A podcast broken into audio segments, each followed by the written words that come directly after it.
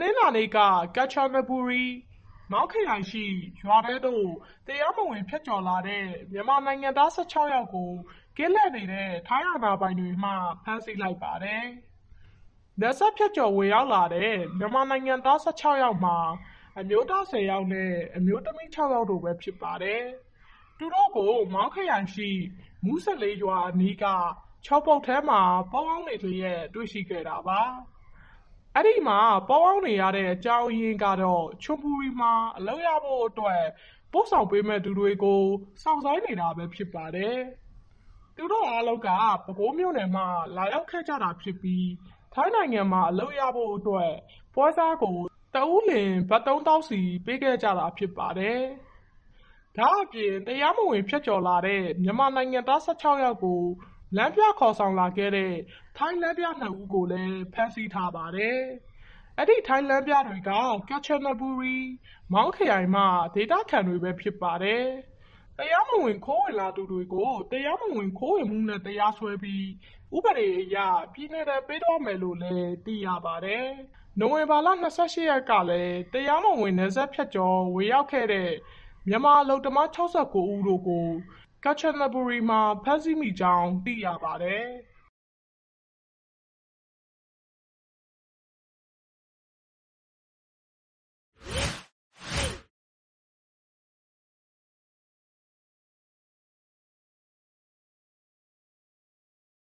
နိုဝင်ဘာလနှောင်းပိုင်းမှာ တရုတ်-မြန်မာ နယ်စပ်ဂိတ်တွေ ပြန်လည်ဖွင့်လှစ်ပြီးနောက် မြန်မာမှ တရုတ်သို့ မြေရှားသတ္တုတင်ပို့မှုကို ပြန်လည်လုပ်ဆောင်နေတယ်လို့ သိရပါတယ်။ မြန်မာမှ တရုတ်သို့ မြေရှားသတ္တုတွေ ပြန်လည်တင်ပို့မှုကြောင့် မြေရှားဈေးနှုန်းတွေ တည်ငြိမ်သွားနိုင်ပေမယ့်လည်း တရုတ်က ကာဗွန်ထုတ်လွှတ်မှု လျှော့ချဖို့အတွက် လုပ်ဆောင်မှုတွေ ရှိနေတာကြောင့် ရေရှည်မှာ မြေရှားသတ္တုဈေးနှုန်း ပြန်တက်လာနိုင်ခြေ ရှိနေကြောင်းကို လေ့လာသူတွေက သုံးသပ်ထားပါတယ်။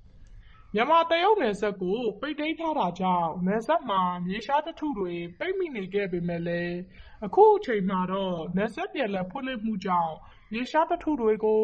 နိုဝင်ဘာလကုန်ပိုင်းမှာ တရုတ်သို့ ပြန်လည်ပို့ဆောင်နိုင်ခဲ့တာဖြစ်တယ်လို့ တရုတ်နိုင်ငံအရှေ့ပိုင်းရှမ်းရှီပြည်နယ်ကံကျွန်းမှာအခြေစိုက်တဲ့ တရုတ်နိုင်ငံပိုင် မြေရှားသတ္တုကုမ္ပဏီရဲ့ မန်နေဂျာတဦးမှပြောကြားခဲ့ပါတယ်။ နယ်စပ်မှာ မြေရှားသတ္တုတန်ချိန် ၃,၀၀၀ မှ ၄,၀၀၀ အထိ ပိတ်မိနေခဲ့ခြင်းဖြစ်တယ်လို့ သူက ဆက်လက်ပြောဆိုခဲ့ပါသေးတယ်။ COVID-19 ဆိုင်ရာ ကန့်သတ်ချက်တွေကြောင့် နယ်စပ်ဖြတ်ကျော်နေရာတွေကိုခြောက်လကျော် ပိတ်သိမ်းခဲ့ပြီးနောက်ပိုင်းမှာတော့ နိုဝင်ဘာလနှောင်းပိုင်းမှာ တရုတ်-မြန်မာ နယ်စပ်ဖြတ်ကျော်နေရာတွေကို ပြန်လည်ဖွင့်လှစ်ပေးခဲ့တာ ဖြစ်ပါတယ်။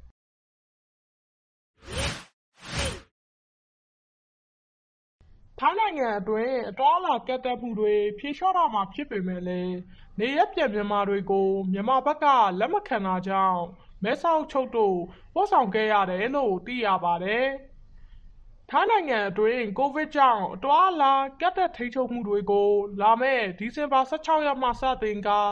တာ့ခ်ခရိုင် အပါအဝင် ၃၉ ခရိုင်လုံးမှာ ပုံမှန်သွားလာခွင့်ပြုတော့မှာ ဖြစ်ပါတယ်။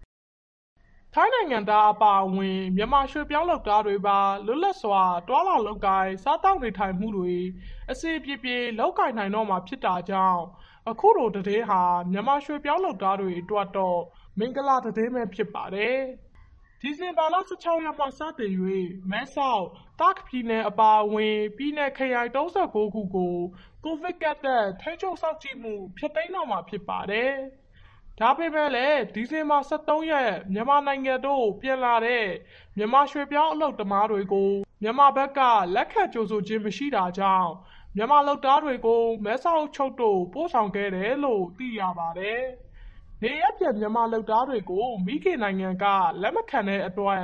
အလုပ်သမားတွေအခက်အခဲကြုံနေရကြောင်း အလုပ်သမားအရေး ဆောင်ရွက်ပေးနေသူတဦးက ပြောပါတယ်။နေရပ်ပြန်လာသူတွေကို တရက်ခြား၍တနေ့လျှင် လူအယောက် ၅၀၀ ကြိုဆိုလက်ခံခဲ့ရာမှ ကိုဗစ် စတုတ္ထလှိုင်းအိုမီခရွန်ကို ကာကွယ်တဲ့အနေဖြင့် တပတ်လျှင် လူအယောက် ၂၀၀ ကိုသာ မြန်မာဘက်က လက်ခံနေခြင်းဖြစ်တယ်လို့ သိရပါတယ်။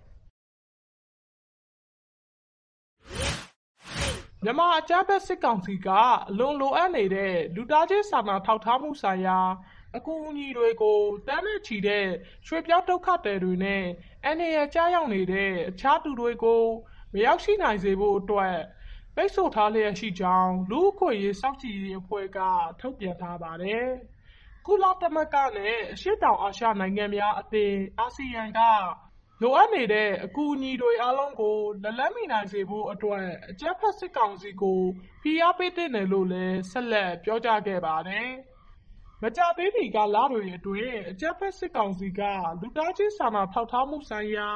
လုပ်သားတွေကို မြန်မာနိုင်ငံအတွင်းသို့ ဝင်ရောက်နိုင်ခြင်းမရှိစေဖို့အတွက် ခရီးသွားလာခွင့် ကန့်သတ်ချက်အသစ်တွေ ချမှတ်ခဲ့ပါတယ်။ ဒါ့အပြင် လမ်းတွေကို ပိတ်ဆို့ပြီး စစ်ဘက်မဟုတ်တဲ့ ထောက်ပံ့ရေးပစ္စည်းတွေကို ဖျက်ဆီးခြင်း၊လူသားချင်းစာနာထောက်ထားမှုဆိုင်ရာ အကူအညီပေးမယ့် ဝန်ထမ်းတွေကို တိုက်ခိုက်ခြင်းနဲ့ ဆက်သွယ်ရေးဝန်ဆောင်မှုတွေကို ပိတ်ပစ်ခဲ့ခြင်းတို့ လုပ်ဆောင်ခဲ့ပါတယ်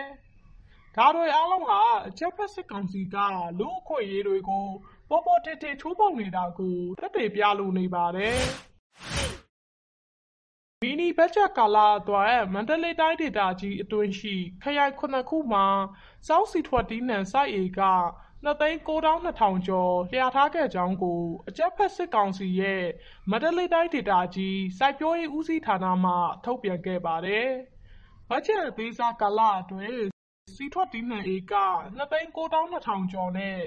နှမ်း၊အခွန်မာသီးတို့လိုစောင်းဆီထွက်သီးနှံတွေကို ခရိုင် ၇ ခုရဲ့ မြို့နယ်တွေမှာ စိုက်ပျိုးလျက်ရှိနေပါတယ်။လက်ရှိအချိန်အထိ မန္တလေးတိုင်းဒေသကြီးအတွင်းစောင်းဆီထွက်သီးနှံဧက